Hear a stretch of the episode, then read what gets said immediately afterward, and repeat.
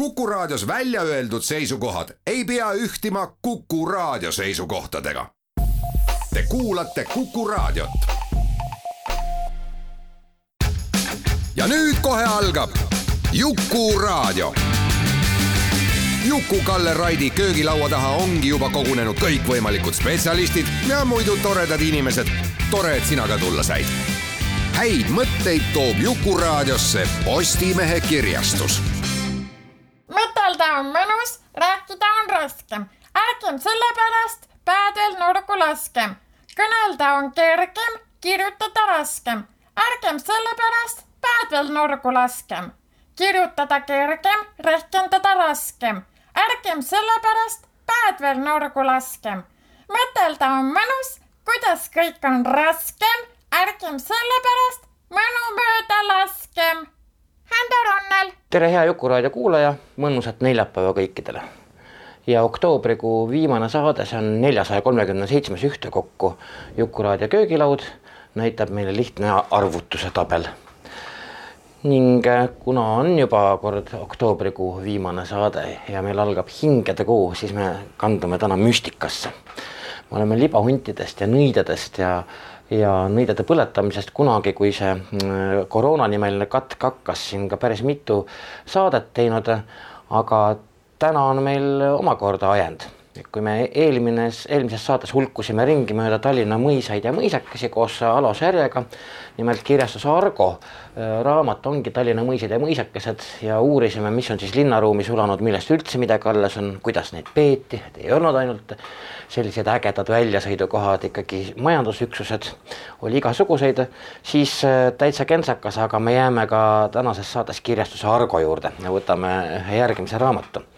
Ja nagu ütlesin, et äh, vähekene müstik, müstiline ja pärimuslik äh, see on, selles raamatus toimetavad ringi nõiad ja libahundid ma nüüd ei tea, kas Andres Adamsoni raamatut Nõia nimi olnud Mats saab pidada puhtaks ila, ilukirjanduseks või siis on ta tõesti ümber jutustatud äh, pärimused. Andres Adamson on mul siin, tere Andres. tervist ja peaksin nüüd siis vastama su küsimusele. jah, et. jah, see on selline, see on jah tõsi, eks ole, et ajaloolasena ma ei ole loomulikult ju noh, nagu ilukirjan, ilukirjanik, ehkki natukene olen ma kätt proovinud ja juba varem noh, pooleteise aastakümne eest ühe anonüümse romaanikese avaldanud see on nüüd päris oma nime all ja nende kahe raamatu vahel on selline geneetiline seos. et esimene raamat, see autori nimelt ilmunu siis, aasta oli siis kaks tuhat, ma arvan, et neli. See, selle nimi oligi Libahunt. alapealkiri oli ühe, ühe Eestimaa aadlimehe lugu. Ja see oli selline uurimuseks maskeeritud romaan, ehkki eessõnas oli lugejatele siiski öeldud, et see on ajalooline romaan nüüd sellele vaatamata üks no võib-olla rohkemgi, aga vähemalt, vähemalt minu poole pöörduti ühe episoodiga selles romaanis, sest noh, kes, kel vaja, see sai kohe ju teada, kel, kes on autor ja noh, nii edasi. ühesõnaga seal, seal romaanikeses on, on üks koht, kus, kus mainitakse möödaminnes ära, et Rootsi kuningas käis, käis Hiiumaal tihu, Hiiumaal hundijahil ja pidi ääre pealt Tihu järve ära uppuma, et üle oleks põhjamudas kuidagi hobuse alt välja kistud ja, ja noh, niimoodi jää peale tagasi. Rootsi kunnid, mitmed Rootsi kunnid on Eestis käinud. no, nojah, just ja, ja mõni aeg hiljem mulle, mulle siis tehti kõne Hiiumaalt muuseumist ja taheti teada, et kuidas selle looga siis ikka on. et mis seal tõtt on ja mis seal ei ole. sellepärast, et giidid juba räägivad et sihuke asi on. no tähendab, põhimõtteliselt minu, minul on, meis kõigis on sellised nii-öelda teadmised, mis lapsepõlvest on juba saadud. sa ei oskagi enam pärast öelda, kuskohast ta tulnud on. et ma ei oska isegi, ma ei suuda isegi taastada, kes on mulle kunagi lapsepõlves selle loo rääkinud. tõenäoliselt rääkis seda mu isa isa minu isale ja tema rääkis mulle mul otsest mälestust, et keegi seda rääkinud on, ei ole, aga ma olen, ma olen. aga lugu on alles. aga ma, ja ma olen lapsest peale teadnud, et vot midagi niisugust nagu, nagu juhtus. nüüd äh, kas on tõene või mitte, eks ole, see on noh, nagu ses mõttes nagu natukene naljakas lugu, vot üldse selle libahundi raamatuga oli selline naljakas lugu, et ma kirjutasin sinna igasuguseid selliseid asju kokku, mida üks endast lugupidav ajaloolane oma nime all nagu avaldada ei tohiks no see oligi põhjus, miks raamatu autori nimeta oli. aga, aga hiljem eh, erinevate uurimistööde käigus ja lihtsalt juhuslikult ja nii edasi on õige palju sellest kõigest tõeks osutunud. ja mõnel puhul ma olen ennast veel liialt tagasi hoidnud, et tegelikkus on veel fantastilisem. ka, ka siis, kui ma eh, no nüüd hiljem olen hakanud vaatama, et kuskohast, kas on siis mingeid tõendeid selle Rootsi kuninga eelkäigu kohta ja nii edasi Eh, seal oleme avastanud, et ammu enne mind on autorid tegelikult maininud ära selle asjaolu, et Rootsi kuningas vaat seal seitsmeteistkümnenda sajandi keskel olla siis Hiiumaal hundijahil käinud. mitte küll seda uppumise juhtumit yeah., seda, seda nagu no, on... ei, seda pole otseselt kirjas. Nonii, aga no minu poole siis nagu pöörduti selle küsimusega, et mis siis on ja, ja ma rääkisin muidugi ära, mis siis on ja kus see lugu ja nii edasi aga siis äh, nagu iseenesest tekkis nagu mõte, et kirjutaks sellest, sellest ka ühe mingisuguse loo. kirjutasin sellise lühikese asja, mida, mis pigem oli novell. no see praegune raamat ei ole ka väga mahukas, aga on noh, kõik ütlevad, et ta on ikka lühiromaan, mitte pikk novell. see on autori valik jah, kuidas seda nimetada, ei no see põhjendus, no näiteks äh, ütleme siis nii, et Kirjanike Liidu esimees näiteks põhjendas seda niimoodi, et, et äh, tegevustik on liiga äh, haruline, noh, liiga, liiga palju erinevaid tegevusliine novelli jaoks. Et novell on niisugune kompaktsem asi kõigele vaatamata.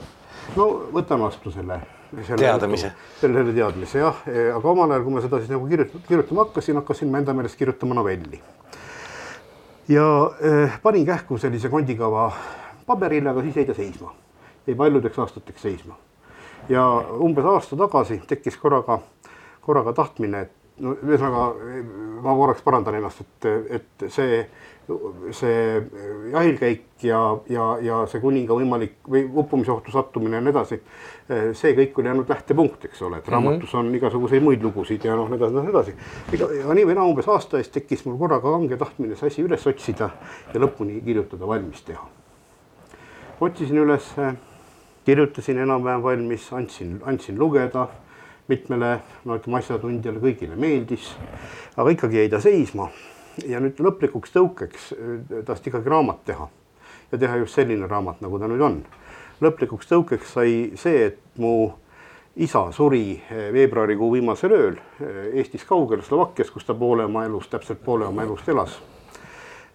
ja need lood nii või naa, mis sinna raamatusse on nagu koondatud või paljud nendest lugudest on kuidagi seotud temaga, selle, selle ajaga, kui ma väikese poisina koos temaga mööda Hiiumaad ringi kondasin ja, ja, ja kuulasin erinevatelt inimestelt erinevaid lugusid. see ei ole muidugi niimoodi üks-ühene, eks ole, et see, mis kunagi kuuldud, vaid see on, see on siis saadud mingisugused algtõuked, mis on siis ajus noh, oma elu elanud ja, ja, ja, ja nii edasi, nii edasi, edasi. pluss veel see kutselise ajaloolase häda, eks ole, et kui sa hakkad mingi, mingit lugu mingisse aega paigutama, siis sa hakkad sinna kohe ka muid, ka tegelikult toimunud asju ja, ja mitte Ju, juurde lülitama jah. hakkad ka neid panema. aga nüüd see äh,, miks ma nüüd isa äh, ära mainisin, no raamat ongi talle pühendatud, tema, tema, tema mälestustele pühendatud.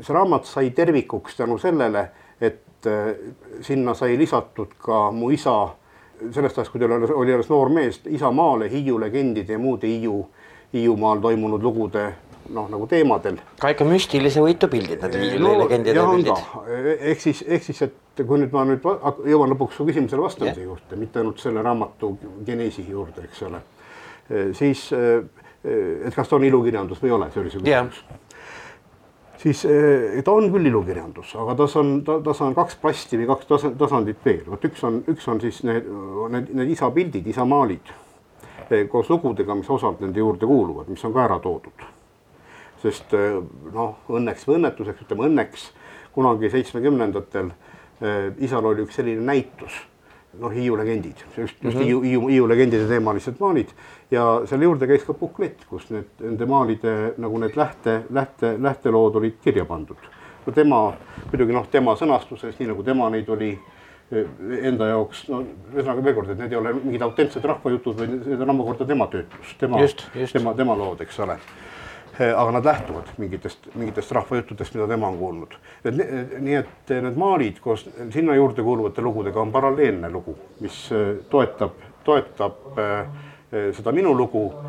aga kui sa seda lugesid, ju sa panid tähele, et need, need seos on olemas, et need maalid üldiselt ikkagi no või no ütleme. Nad on- on tegelikult paralleellugu Nad on tegelikult järjestatud niimoodi, et nad ikkagi nagu kaude Toetavad ka, jah, toetavad just. seda põhilugu. Ja, ja kolmas, kolmas tasand on siis vot see tegelik ajalugu.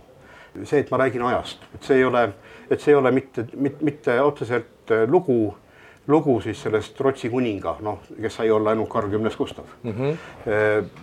see ei ole mitte ainult lugu Rootsi kuninga jahilkäigust Hiiumaale ja mis seal ümberringi juhtus ja noh, nii edasi, vaid, vaid see on lugu Hiiumaast seitsmeteistkümnenda sajandi keskel. et see on kohalugu see on kohalugu ja, ja me ei hakka raamatut ümber jutustama, küll aga võib-olla võtame veidikene tausta lahti.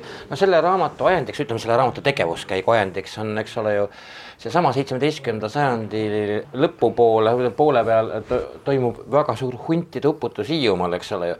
mida ikka tuli aeg-ajalt ette, et selliseid asju on Eestimaal hulgim, hulgim kirja pandud, kuidas hundikarjad inimesi ründasid, eks ole ju, ja, ja ikkagi, ikkagi eh, tõsist paanikat tekitasid. et küll on Jung kirjutanud Alutaguse kohta, noh, see on niisugune elementaarne täiesti, Hiiu, Hiiumaal lihtsalt huntidega halvasti, eks ole ju. aga noh, toona muidugi mitte. noh, nüüd ma hakkan, muutun natuke dotseerivaks ja ajaloolase häda, eks ole.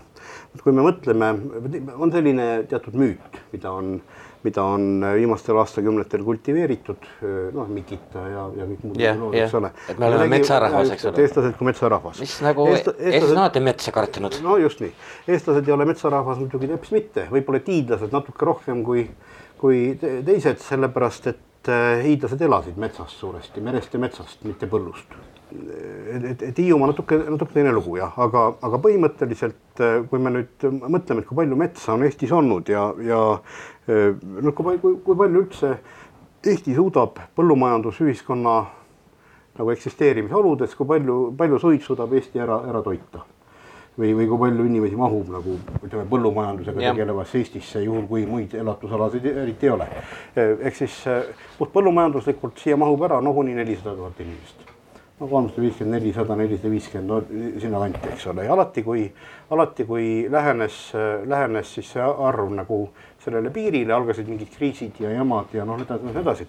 aga, aga nagu point on selles, et see, see mu jutu point, et, et metsa on minevikus olnud mitte rohkem, vaid oluliselt vähem. vähem, absoluutselt. see ei käi mitte ainult kahekümnenda sajandi kohta, vaid see käib ka sellesama seitsmeteistkümnenda sajandi kohta. Hundikarjad olid, olid mitte sellepärast teedel ja ründasid inimesi ja nii edasi, et, et neid oli. hirmus palju, aga neil ei ole lihtsalt saaki ei olnud. just täpselt, et metsad olid maha võetud või, või mu- mu- muidu rakendatud ja nii edasi. Hiiumaal käis ka tollal just seitsmeteistkümnenda sajandi keskel käis äh, sihuke kõva tööndamine Äh, sest saar kuulus peaaegu tervikuna De la Gardide perekonnale ja, ja pikalt oli see olnud siis just nagu tolleks ajaks juba surnud, minu loo toimumise ajaks juba surnud krahv Jakobi, Jakob de la Gardie, laiski jagu mm. -hmm. tema, tema valdus ja tema üritas kõikjalt maksimaalset tulu kätte saada. no Rootsi võim üleüldse üritas kõikjalt maksimaalset tulu kätte saada, aga tema ka. no ma ütlen Rootsi võim, siis ütleme Jagusse me peaksime suhtuma just natukene leebemalt, et ta oli Tallinna poiss, siin sündinud, vanemad siia maetud ja enamik ta lapsi sündis Tallinnas ja, ja no nii edasi, nii et nagu, et ta nagu peaaegu et oma, mis siis, et. Delagardi. ja, ja äh, äh, aga nii või naa, tähendab ka Hiiumaal ta siis äh, pani klaasitööstuse püsti, mis tähendas metsade hävitamist ja, ja, ja liiva kaevamist ja noh, nii edasi, nii edasi, nii edasi, eks ole. käis äh, Kõpu tuletornis suur puidu põletamine pidevalt, pidevalt ja nii edasi. et me- me- mets, metsa raiuti kogu aeg maha ja ilmselt sellest siis see huntide, huntide nagu teedele ja, ja inimeste kallale ja edasi kippumine. Need inimese kall-, inimeste kallale noh, tulemise lugusid, neid on ikka kokkuvõttes vähe. aga, aga neid on Hiiumaal, neid on hiljem ka. Neid on veel kuni üheksateistkümnenda sajandi keskpaigani ja kauemgi välja, et, et päris. Eestis see viimane äh, huntide mahamurtud äh, on vist päris üheksateistkümnenda sajandi lõpp, oli ka juba kahekümnenda sajandi algus. nii et ka mitte väga kaua aega tagasi, no see oli Ida-Virumaal juhtus. No lihtsalt ääremärguseks. nojah, aga äh, veel sellest ajast, kui, kui Kärda kalevivabrik juba töötas ja olemas oli, on, on lugusid no sellest, mitte minu raamatust Jah. muidugi, aga on, on lugusid sellest näiteks, kuidas, kuidas Käina kandist veetakse kalevivabrikusse, no ütleme otse ja ropult kust tünnides mm. -hmm. uriin oli, oli noh, nagu kalevi siniseks värvimise tooraine mm, -hmm. et värvaine. Seda koguti ja, ja veeti siis, veeti siis, veeti siis sinna ja kuidas hundikari ründab siis vaest meest, kes oma hobuse ja. kusevankrit. noh, saani jah ja. ja kuidas ei jää muud üle, kui, kui see punn lihtsalt maha lüüa ja siis nagu nii-öelda hundikaril selle haisuga nagu eemale peletada ja noh, nii edasi, nii edasi. et siukseid lugusid on, on küll ka, on küll ka üks teine paralleelne lugu, mis räägib enam-vähem sama juttu kus hunte pole, vaid kus punn läheb eest ära, hais on nii jube, et mehel ei jää muud üle, kui annab muudkui piitsa kuni vabrikuväravani no ja, et see on nüüd huntide uputus, siin raamatus kohe teine paralleelne teema on siis äh, libahunt. noh, hundiks äh, soend, eks ole ju, hundiks muunduv inimene. Äh, kellest siis võib alati ühe või teise külaelaniku ära äh, tunda, ka siin äh, raamatus, eks ole ju.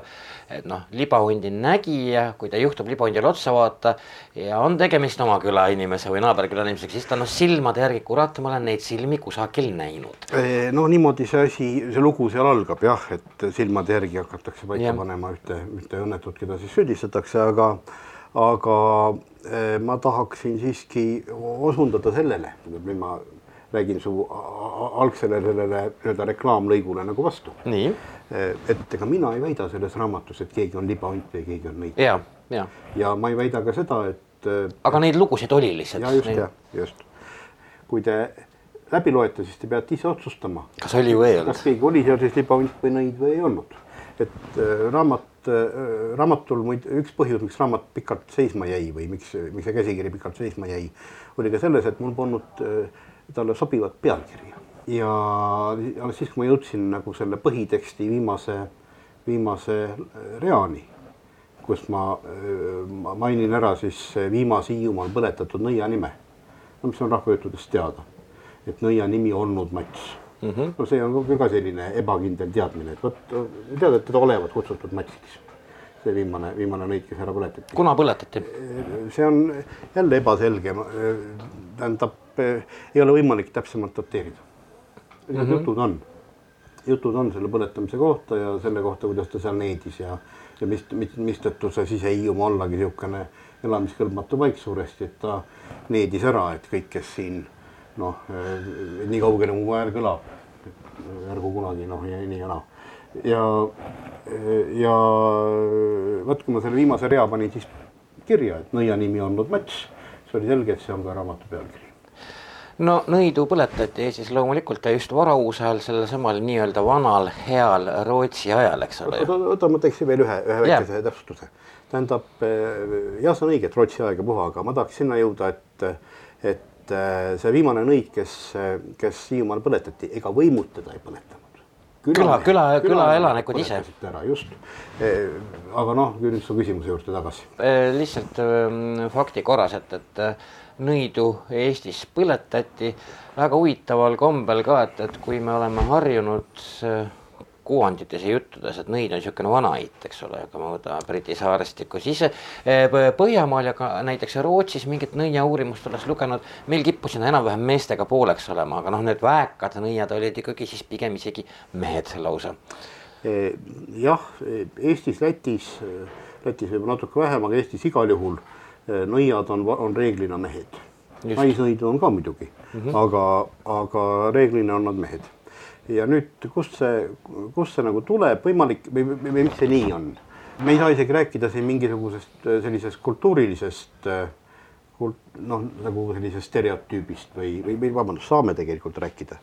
ma, ma tahtsin lihtsalt oma jutus sinna jõuda, et kahe, kahele asjale, et esiteks seda, et me ei tea ja teiseks no,, ja teiseks, ja teiseks, et võib-olla on siin seos eh, vot nende veel põhja pool elavate keelesugulastega, saamidega eh, noh, kelle see šamanistlik, eks ole no,. teadmamehed ja šamaanid olid ikka mehed enamasti. Eh, no, noh, noidas, eks ole, nende keeli mm, -hmm. et kelle, kelle nõiad äh, ikkagi omal ajal laialt liikusid, lõpuks saamide asustusala jõudis ju praktiliselt Soome laheni välja, mitte, mitte nii ammu ja, ja, ja, ja Laadoga järve. neli viiendikku Soomest igal juhul oli saamitasustusala no, jah. ja, ja, ja tegelikult on olemas ka selliseid uduseid, uduseid no jällegi lugusid, et äh, Lapi nõidu olevat ka Hiiumaale pagenud tagakiusamise eest noh, äh, tavaliselt need rahvad. no Lapi nõid on meil jutumotiiv ikka igal juhul olnud Eesti lugudes. nojah, nii ja, ja nüüd ja nüüd, et miks siis, miks, miks nad Hiiumaale just pidid tulema?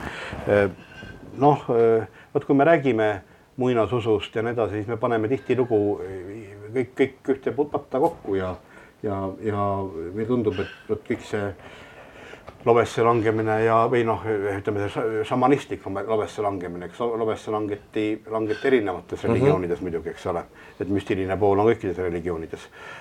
loodususk ja, ja, ja esivanemate kultus ja noh, nii edasi, paneme kõik selle ühte patta kokku ja, ja, ja, ja siis paneme sinna juurde veel natukene Põhjamaade uskumusi ja, ja meile tundub, et see ja tundub, et ongi nii. no, no nii ja naa, tähendab, kui me, kui me noh, sellest pudrust nagu natuke eemaldume ja mõtleme, et mis, mis usk siis Eestis enne kristlust oli ja, ja kristlusega läbisegi siis pikalt eksisteeris, siis üldiselt umbes samasugune nagu Skandinaavias.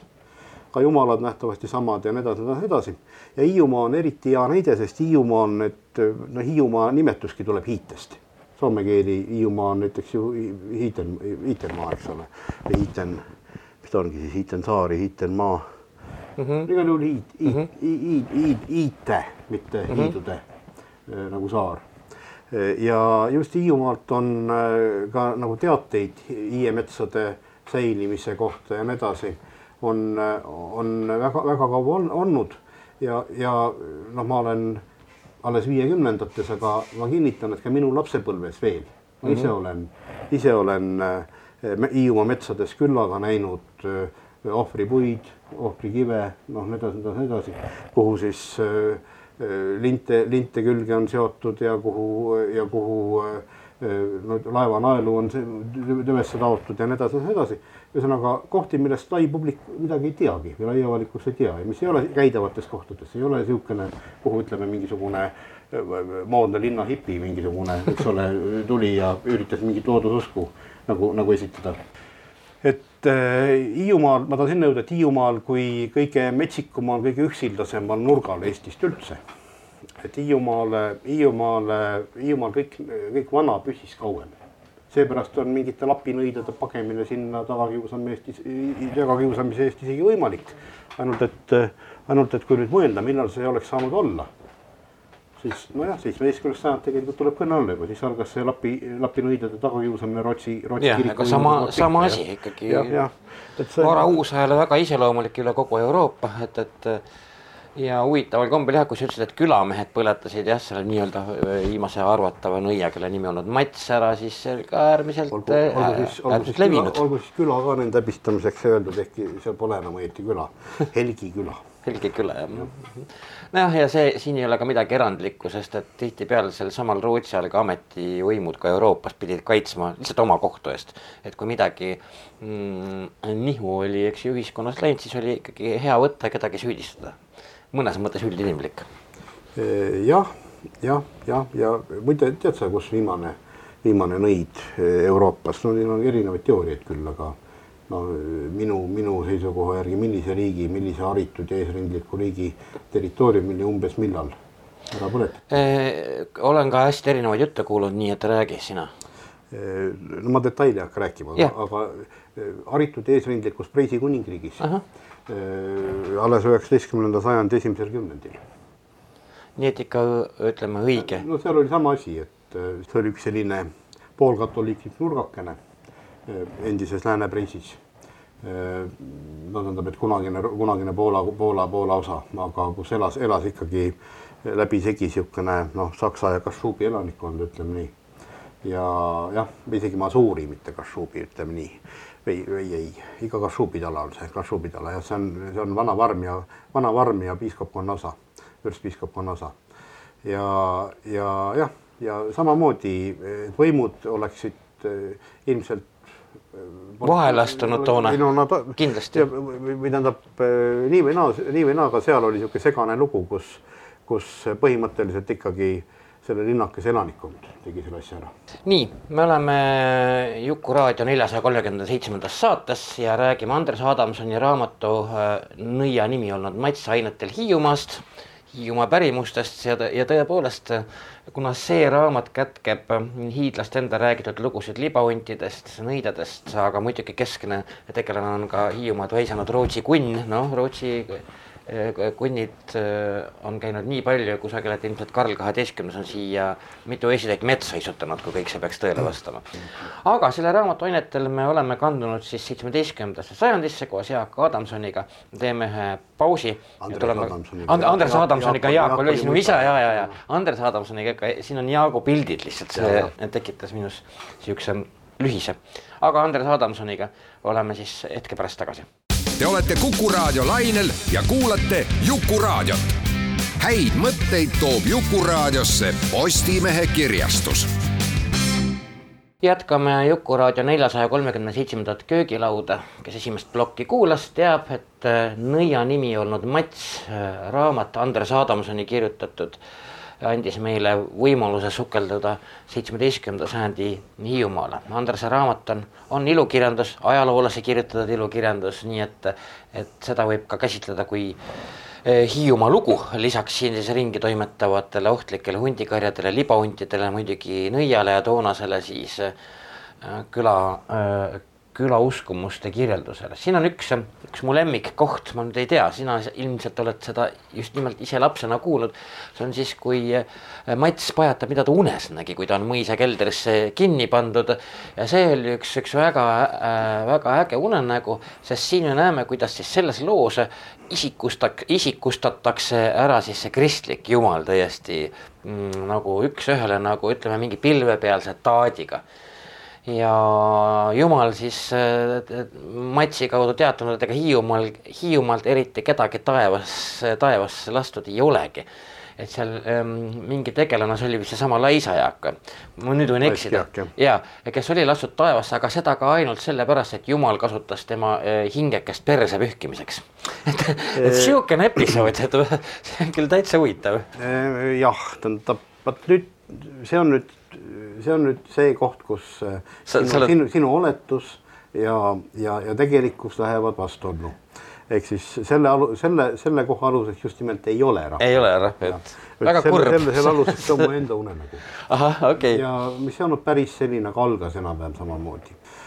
ja et, et algas samamoodi peaingli laskumisega Jah. sellisesse, sellises lumises, märjas lumises, kus lumi, lumi, lumi, lumi niimoodi pakib, nagu hiidlased ütlevad, Jah. eks ole, et kleepub kokku ja noh, nii edasi. Ja, ja, ja kuidas siis eh, noh, ühesõnaga noh, et see on nagu eh, nagu, nagu, nagu natuke, natuke selline vähe teistsugune lugu, aga eh, kui me räägime aga jumal, see, Jumala- sinu, sinu, sinu unenägu siis sisaldas ka seda, eks ole ju, kuidas siis see jumal See- neid ei, tege- tegelikult- patused pidi pintslisse panema ja kaalus oli juurde võtnud. tähendab seda küll jah, aga, aga tähendab ses mõttes seal ühe rahvajutu, palju hilisema rahvajutu kohad siiski on sees. Vot no nüüd ma räägin midagi jälle giididele ja nii edasi, aga tegelikult noh, kõik võivad seda, kõik võivad seda ise ju, ise ju Hiiumaale jõudes näha ka, et kui te, kui te saabute Hiiumaale Eltermaa kaudu, tulete kaldale, siis näete muuhulgas ka ühte kuju, kus üks nokamütsis mees näitab, näitab tagajalgade tõusnud kitsele noh, nagu näpuga praami poole, eks ole. et no see on Miku Kaarel, üks äh, lõuapoolik ja muidusööja äh, siis äh, Käina kandist, kes siis, kui, siis kui seal tuhande kaheksasaja kuuekümnendatel aastatel hakkasid nagu esimesed sellised noh, nagu aurulaevad sõitma Hi- Hiiumaa vahet, kes siis olevat kord, kui, kui, kui laev, laev, laev, laev nagu oli juba ära minemas või lahkumas, otsad, otsi andmas juba Jah. silla, silla, silla küljest. ja siis korraga tuli, tuli suure jooksuga koos kitsnüüri otsas kaasas ja noh, muidugi laeva peal hakati kohe hüüdma, kapten märkas, andis tagasi käigu, silduti uuesti ja nii edasi, oodati, et Kaarel tuleks oma kitsega peale. Ja äh, Kaarel ei kavatsenudki seda teha, näitas kitsele laeva. Ja no oli hirmus tüli ja nii edasi, nii edasi, edasi, aga noh, Kaarel seletas, et ta pole muud tahtnudki, kui et Kitsele laeva näidata. ja, ja tema kallis kits ja tuli, tuli sellepärast mitmekümne kilomeetri kaugusele, eks ole. ja äh, kapten ei jätnud asja sinnapaika, vaid kaebas asja Käina vallakohtusse ja kohus uuris siis seda asja, noh kaalus, no mis sa teed, Kaarel väidab, et tal polnud mingit paha kavatust. Kitsele laeva näidata ei ole ju keelatud. jah, tema ainult jooksis kiiresti, et näid-, jõuda veel kitsel näidata, kuidas massin läheb. ja noh, lõpuks kohus otsustas, et ta ei, et ta ei noh, et mingit karistust ei ole, aga et vot nüüd Kaarel peab neile ühe loo rääkima.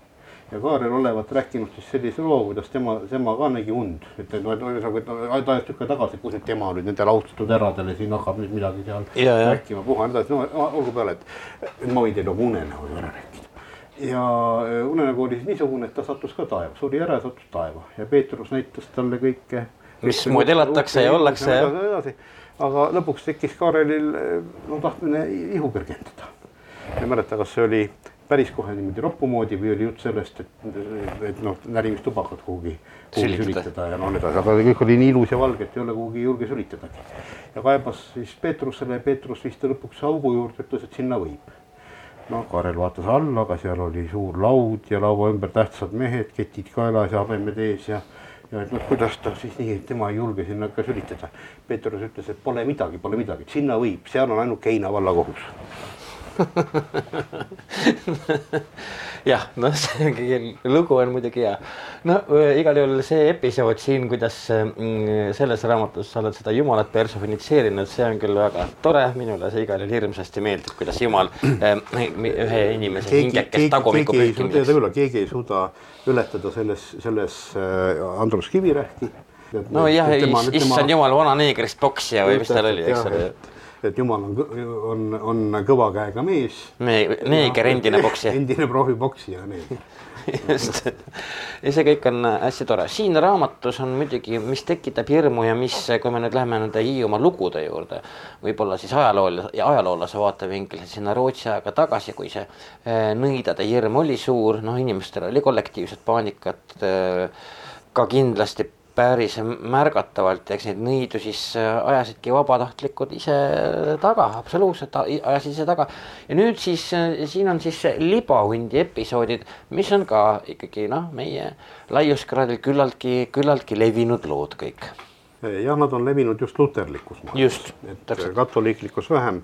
see on selline jälle, no nüüd ma lähen, muutun jälle dotseerimaks, vabandan, eks ole. meil on, meil on sellest omast luterlikust omaaegsest propagandast on jäänud selline nagu teadmine selja aiu et vot kato-, katoliku ajal olevat metsikult põletatud. Ja, ja, indulgentsid ja kõik muu hullu- hullumeelsus, aga tegelikult vastupidi. ja tegelikkus on jah see, et, et katoliiklikus maailmas äh, ei ole no selliseid äh, nõiapõletamiskampaaniaid ja, ja sellist ohvrite arvu nagu, nagu protestantlikkus pole kunagi olnud. pimedal keskajal oli küllaltki, katoliiklikul pimedal keskajal oli küllaltki rahulik siin. noh, ütleme, et seda rahulikum, mida, mida, mida suurem oli inkvisitsiooni noh, nagu kaasatus jah, just inkvisitsioon oli, kui ta omal ajal, omal ajal sisse viidi, viidigi just selleks eh, sisse, et metsikusi vähendada. Et eh, korrastada uurimust, uurimist ja noh, nii edasi, nii edasi. inkvisitsioon and- tagas mingisuguse esialgsegi kohtuliku kaitse. et nagu, et äh, ikka mingid lapsed ja, ja sinu isiklikud vaenlased, nende tunnistusi sinu vastu ei arvestatud ja ja, ja, ja nii edasi, nii edasi. aga noh, see on teine lugu. Jah, see siia ei puutu praegu. nagu kuidagi kokku meie räägime libahuntidest. nojah, ja libahundid, vot see usku, uskumus sellesse, et libahundid no on olemas, et, et inimesed, et inimesed saavad muut, muutuda mingiteks olenditeks, metsloomadeks, mitte ainult huntideks, vaid ka karudeks ja noh, nii edasi mm. -hmm. see, see oli, see oli tollal ka inimestel täiesti kontides ja, ja, ja et e- enamik neid neid kohtuasju ja nii edasi, mida Rootsi võim siis hoolega, hoolega siis juurdles hiljem, eks ole. enamik neid on ju tulnud inimeste endi, rahva endi seast mm -hmm. või rahva enda seast. et rahvas nõuab seda, rahvas võtab kinni, võtab kinni nõiaks, nõiaks või libahundiks peetuid, nuhtleb neid ja, ja, ja nii edasi, nii edasi. ja enamikel juhtudel riigivõim tuleb vahele, et, et seda metsikust peatada, inimelusid päästa ja nii edasi, mitte vastupidi. aga noh, see lugu on jälle natuke teistsugune. ehkki ka siin ju see libahundi lugu äh,, libahundi lugu äh, nagu saab võimenduse või ütleme nii, et süüdlane leitakse, kui, kui jutud lahti lähevad ja nii edasi. süüdlane, näiline süüdlane leitakse selleks, et, et seda mäsu nagu vähendada. et rahumajja saaks jah, selle. rahumajja saaks, just, et süüdlane on käes ja elame edasi.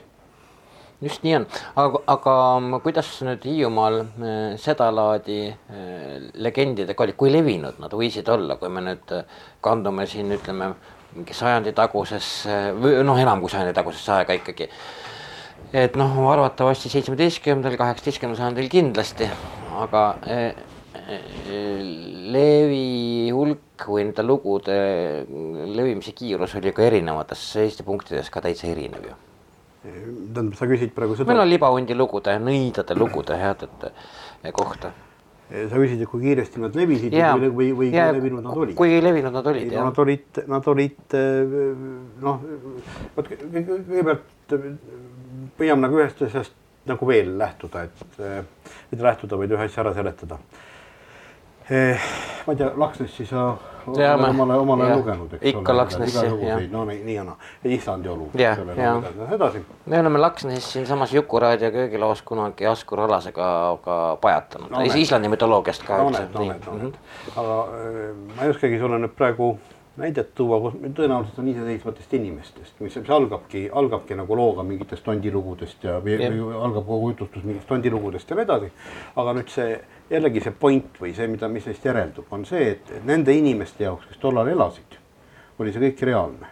ehk siis eh, ka Hiiumaal need lood elasid eh, nagu oma elu ja, ja nii edasi väga võimsalt ja väga kaua just sellepärast, et nende inimeste, inimeste jaoks, kes, kes elasid, nende jaoks oli, see oli reaalne. see oli lihtsalt reaalsus just. ja, ja kui sa, kui sa, sa usud, et need kõik on olemas, siis nad ongi olemas sinu jaoks, eks ole, mitte teadlase jaoks ja noh, nii edasi, nii edasi, sinu jaoks nad ongi olemas.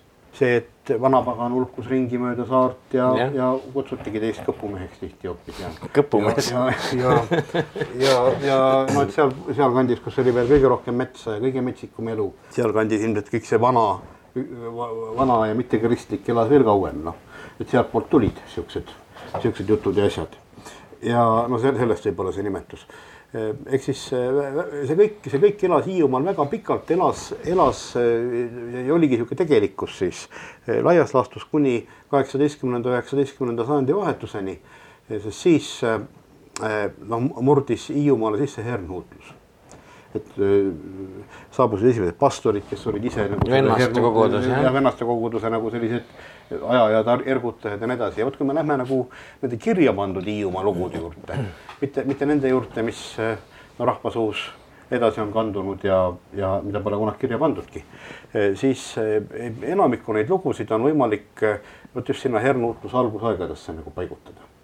Et sealt on tegelased, sealt on süžeed, asjad, nii edasi ja, ja noh, kui me nüüd no ma ei taha nüüd midagi halba kellegi, kellegi, kellegi millegi kohta öelda, aga, aga et kui me, kui me nagu mõtleme, et mis asi see vennaste kogudus, koguduste liikumine ja hernhuutlus ja igasugused muud sellised vabadusliikumised eri aegadel nad on, on, need kõik on ju fanatismi erinevad vormid. Nonii, ja nüüd äh, fanaatikud ikka räägivad igasugu koledaid lugusid kokku, eks ole. Nende, nende ajal siis see kõik nagu võimendub veel eriti. Äh, aga jah, üldiselt, üldiselt siis äh, veel kord, see minu raamat kirjeldab siis seda maailmapilti või olustikku, mis Hiiumaal on enne seda. Mm, -hmm. kus, kus kõik see on veel, eks on igapäevane elu, see, et on mingid libahundid ja nõiad ja nii edasi, see on normaalne ma siiski tulen korraks selle hernhuutluse vennaste koguduse juurde tagasi, et äh, meenub Oskar Kallase raamat Maajumala poig, mille on siis Ilmamaa välja andnud Ando Runneli koostatud sari, kus Oskar Kallas kirjeldab üheksateistkümnenda sajandi lõpuaegu siis ütleme pärimuste kogu, kogumist. Ja toonane üliõpilaskond, üliõpilane ta oli, ei jõua ka vennaste kogudusi just nimelt äh, ära kiruda, muidu see võib-olla ei ole isegi tänase saate teema, aga ühel lihtsal põhjusel et äh, seal, kus on hernhuutlus väga levinud ja vennaste koguduse fanaatikud, ütleme ühiskonnas noh, sellist äh, mõjujõudu omavad, seal vanu lugusid ei räägita ka juttude korjele lihtsalt ja. sellepärast, puhtalt sellepärast, et nemad kardavad, et kui nad võtavad kasvõi ühe salmikese mingist vanast laulust ja selle siis ette laulavad, et selle saaks kirja panna, siis on põrgutee kindel jalge all. et ühesõnaga seal siis resümeeritakse, toona siis oli kavandatavale Eesti Rahva Muuseumile siis kogunemine, kogumine nii vanavara kui siis ka pärimuse kogumine on ikka resümeeritakse, et et see vagadusliikumine, et see äh, fanatistlik kristlus, hernuutlus, et need tegid siis ütleme Eesti pärimuse säilimisele märksa rohkem kurja kui ükskõik mis muu asi. jah, aga nad samas tänu sellele, et nad olid haridust toetavad ja, ja nii edasi, noh, jumala sõna tuli. Yeah.. vot, vot, vot jälle mul tuli kunagi tudengitele seletada seda ammu küll juba, vot seda vahet, no et kuidas ma seletan, ju sa, vot on niisugune, niisugune tava, niisugune tavaline asi, eks ole, et ütleme, katoliikliku õigeusu kiriku ukse juures on kerjused ja, ja, ja protestantlikes kirikutes üldiselt kerjuseid ei ole ja, ja meil on lausa selline kultuuriline tõlge, tõrge, eks ole, kerjustel midagi anda, juhul kui nad pole mingid sõjapõgenikud ja muud niisugust, eks ole. noh, kellelegi, kes tuleb midagi yeah., oleme kõik andnud loomulikult, aga no mingisugune selline, selline tõrge on, et veel kord on põhjus, miks luterliku kiriku ukse juures kerjuseid ei ole. ja üks põhjus on see, et, et vot nendes vot nendes äh, vanades siis ütleme ida ja lääne katoliiklikes, eks ole, süsteemides, nendes äh, inim, inimhinge päästmiseks, taevasse pääsemiseks, seda, et su hing ei lähe, hing ei hukku, vaid saavutab igavese elu, eks ole, see oli, selle, selleks oli piisav siirast usust. Siirast usust patukahetsusest kasvõi mm -hmm. surmahetkel, eks ole, aga et kui see, no siis on tõesti siiras ja noh, edasi, edasi, siis ikkagi on pääsemine noh, nagu, nagu, nagu võimalik. ja, ja siiras usk ilma ilma õieti aru saamata, mida sa siis tegelikult usud, no ligimese armastus, jumala armastus, noh, kõik see niisugune.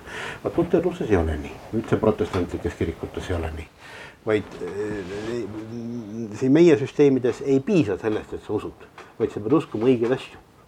Ja selleks, et sa õige, selleks, et, et sa kindlasti õigeid asju usuks, tuleb nad sulle ära õpetada. selgeks teha. selgeks teha, jah ja, ja kaude noh, seda kaudu samm-sammu haaval, eks ole, protestantlikud rahvad või protestant, protestantlusse pöördunud rahvad. Noh, kui see fanatismi faas oli nagu ületatud juba, eks ole, et algselt reformatsioon oli fanaatikute. no ikka. nii, aga, aga eh, kui see faas oli ületatud, siis see tõi kaasa sellise noh, nagu kultuuritõuke just läbi hariduse ja, ja see vabadusliikumine, vennaste kogudused, see, see tõi sellesama asja kaasa et kaude ta aitas kaasa meie, meie sellisele kultuuri nihkele, ütleme siis kultuurilisele saksastumisele, kui tahad, nii kutsun. sest meist said üheksateistkümnendal sajandil eestikeelsed sakslased. ja, ja noh, muutis meid nendeks, kes me praegu oleme. Aga nüüd, kui me Hiiumaale tagasi tuleme, siis Hiiumaal, no eks igal pool muidugi, aga Hiiumaal Hernhutlus oli esialgu sellise jõukama talurahva Eh, paremal järjel külaelanikke, mitte, mitte, mitte, mitte kehvikute, mitte nende, kes justkui nagu peaksid, eks ole mm -hmm., loot-, no jumala poole pöörduma, et paluda nagu mingit midagi, mingit, mingit parendust Mi. midagi, midagi, mida neil ei ole. ja just jah, vaid just see oli nagu jõukamate inimeste asi eelkõige ja nemad siis tõmbasid hiljem, hiljem kõik kaasa ja kui kõik olid kaasa tõmmatud, siis Ernoutlus äh, noh, mitte ei surnud välja, aga ütleme, et eks tagaplaanile tulid uued vabadusliikumised, teistsugused, tulid Hiiumaa, Hiiumaal eriti baptistid. nii et nagu äh, selleks ajaks, kui Oskar Kallas kor-, asus koguma ja nii edasi, Hiiumaal möllasid juba baptistid, mitte enam herhutlased. ja baptistid on muidugi lõbusam rahvas jah, on küll, aga jah, et kuna, kuna just oli kirja, eh, kirja pandud hernhuutlaste kohta, et baptistid olid tunduvalt lõbusam, nad ei suhtunud nii dogmaatiliselt sellesse, ütleme pärimusse ka, et noh, et, et see, et sa tingimata satud saatani, saatana kaisu, eks ole, kui sa vanu, vanu lorilaule laulad. ma räägin jälle ühe lora loo. räägi jah, muidugi. et kui sel ajal, kui ma olin alles poisike Hiiumaal elasin, äh, siis äh, räägiti seal, et vot, et üks neid baptistlikest õpet-, baptistidest, baptistlikest õpetajatest, noh, kes nagu paljudki sellised usukuulutajad, ikka õpetas seda, et käige minu sõnade, mitte minu tegude järgi. tema oli muuhulgas kõva hasartmängur, no mängis kaarte ja mängis maha oma auto ja nüüd äh, siis tema need lauakaaslased või kellega mm -hmm. mängis, muidugi ta seda autot ei võtnud. aga, aga panid talle tingimuse, et ta peab alustama järgmist ütlust Eh, sõnadega, sõnadega poti on trump.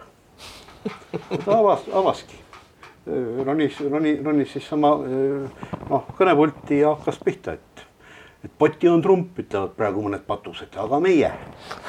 noh, ja noh ja nii edasi, et jällegi mind juures polnud, võib-olla, et on lora lugu, aga selline jutt käis Hiiumaal neid lugude rääkijaid võib-olla paistavad silma ka, et, et niisugune ikkagi väiksevõidu saar, et, et neid on ikka olnud küll ja veel. noh, ega ta nii väike ei olegi.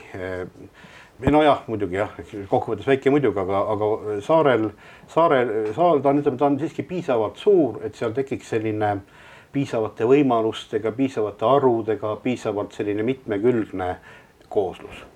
Et, et ta ei ole ikkagi väike saar tähendab No, mitte jah. kokku kirjutatud väike saar, eks ole Jah. vaid lahti. ta on väike saar. ja, ja see on üks asi ja teine asi on see, et inimesi on seal ikkagi eh, kogu aeg olnud no, täitsa piisavalt. arvestades, et asustus on alati andnud mööda randu, eks ole, kulgenud.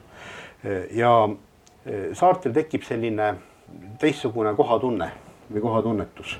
saartel tekib eh, teistsugune identiteet ja eh, kui minult küsid, küsida äratada mind järsult ülesse ja küsida, kes sa oled, siis vaatamata sellele, et ma olin kaheksa, kui Miiumaalt ära kolisime ja pärast seda olen ütleme, et ütleme, ütleme laias laastus kuni umbes kahekümne kaheksandani olin, olin, olin suvehiidlane ja pärast ja, ja pärast seda, ehkki suvel on alles ja nii edasi, olen üsna episoodiline käija. et ei ole isegi suvehiidlane enam väga sobilik öelda. sellele vaatamata, kui mind üles aetakse niimoodi järsult ja küsitakse, kes sa oled, siis mu esimene vastus on hiidlane jah, ja tuletame meelde need kui vahvad perekonnanimed, ütleme, mis on ikka sama palju lusti pakuvad, kui siis Kagu-Eestis Setomaal kusagil mäeumbaiad ja kogu see värk. nojah, jah et see on ka armas. tuleme nüüd, meil on äh, siin üks paar minutit saate lõpuni, aga tuleme, tuleme, tuleme korraks sinu raamatu juurde, nõia nimi olnud Mats äh, tagasi. et äh, sa rääkisid ka jah, siin on tõepoolest väga hea trüki kvaliteediga, kusjuures Jaak Adamsoni äh, maalid Hiiu legendide äh, järgi, mis omakorda siis paralleelstory tegelikult äh, ka selles raamatus jutustavad, lisaks sellele, mis sul on. Ehm, see mm, piltide või noh, ütleme heade maalide panemine eh, illustratsiooniks annab muidugi raamatule eh, kõvasti juurde, aga kui me nüüd vaatame Hiiu legende, mõned neist on siis ka sinu enda isa või kirja pandud juttudega, nagu sa esimeses plokis ütlesid.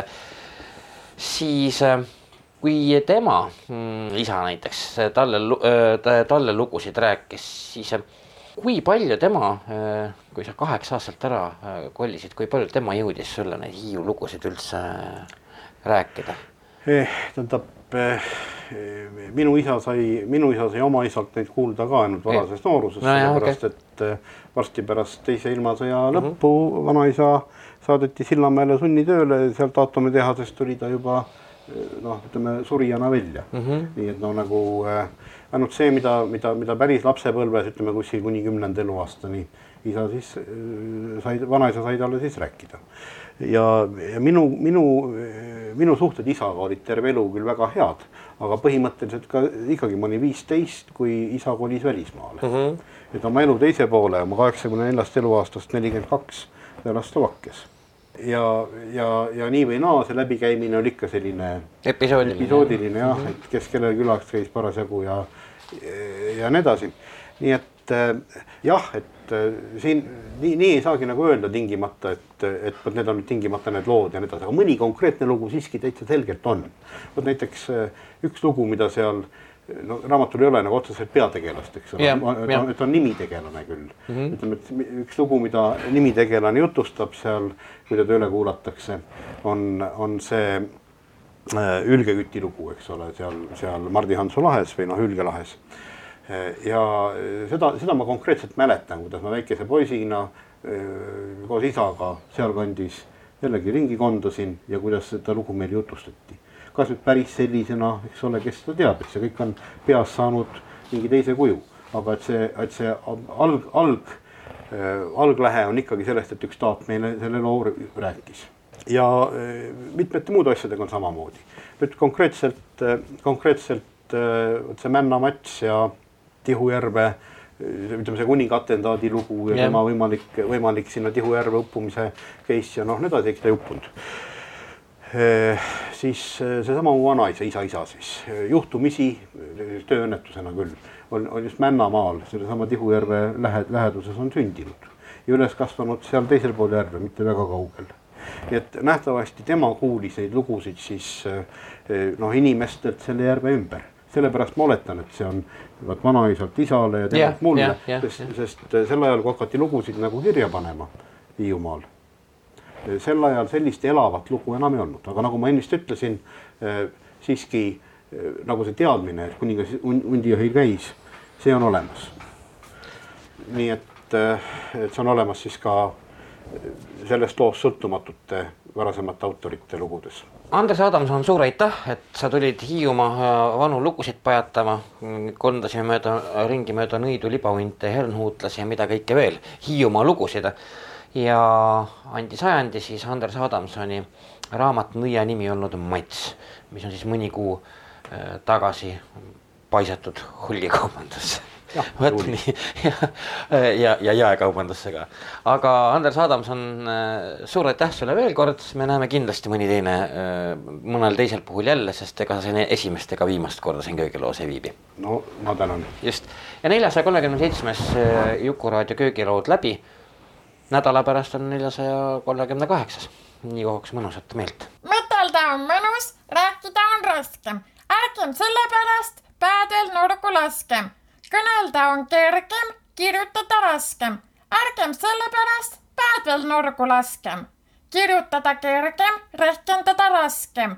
ärgem sellepärast päev veel nurgu laskem. mõtelda on mõnus, kuidas kõik on raskem. ärgem sellepärast mõnu mööda laskem. Hando Ronnel. häid mõtteid toob Jukuraadiosse Postimehe kirjastus